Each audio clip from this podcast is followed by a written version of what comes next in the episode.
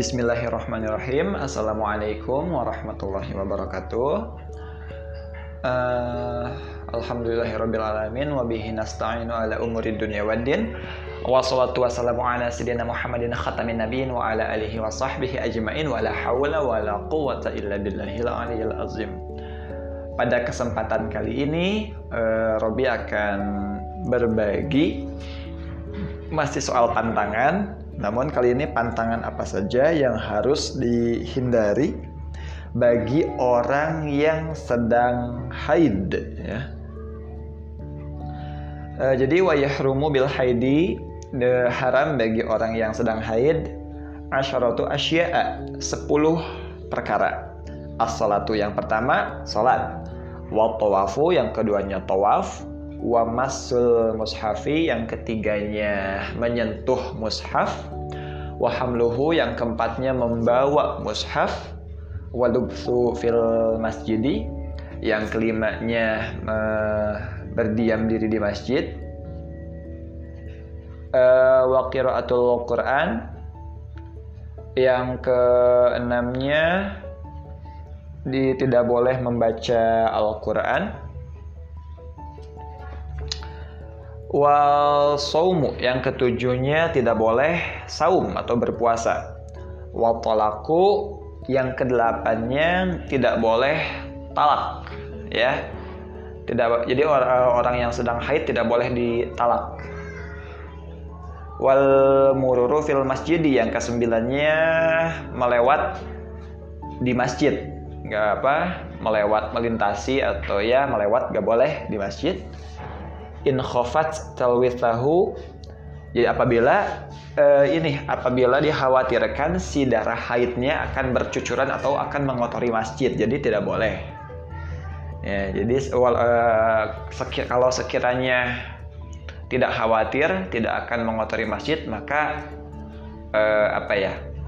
Maka boleh, tapi jadinya uh, kurang sopan gitu ya maksudnya bukan kurang baik saja sih karena uh, saat uh, wanita sedang haid berarti dia sedang, sedang dalam kondisi tidak suci sedangkan masjid adalah tempat yang disucikan maka itu lebih ke adab dan etika.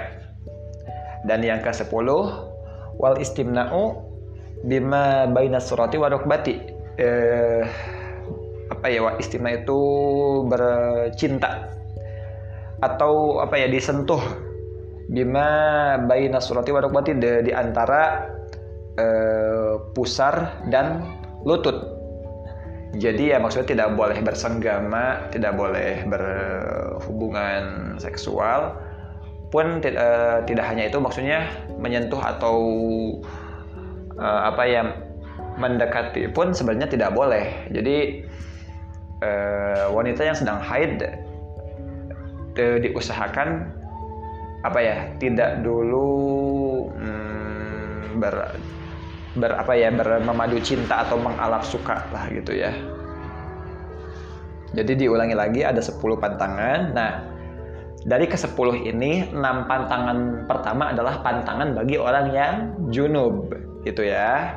E, tidak boleh sholat, tidak boleh tawaf, tidak boleh menyentuh mushaf, tidak boleh membawanya juga, tidak tidak boleh diam di masjid dan tidak boleh membaca Quran. Itu 6 pantangan di awal adalah pantangan bagi orang yang junub pun pantangan bagi orang yang haid. Namun ada yang lebih. Kalau haid ada 10, empat lagi tidak boleh puasa, tidak boleh ditalak, tapi talaknya sah.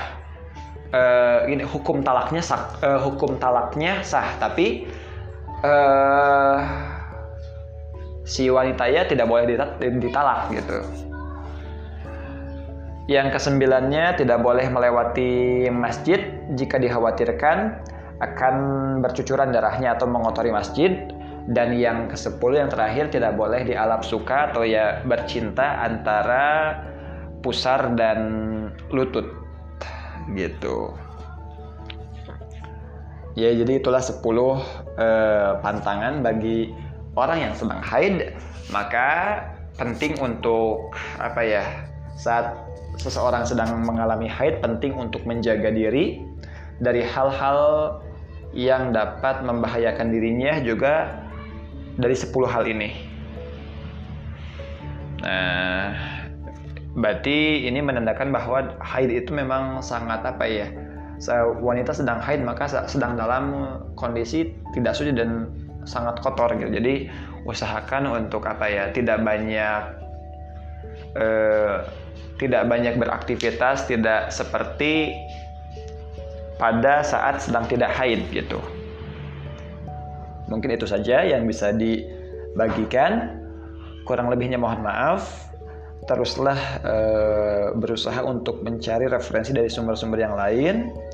Mari kita sama-sama untuk saling mengingatkan dan semoga hal ini dapat memperpanjang kemanfaatan ilmu. Assalamualaikum warahmatullahi wabarakatuh.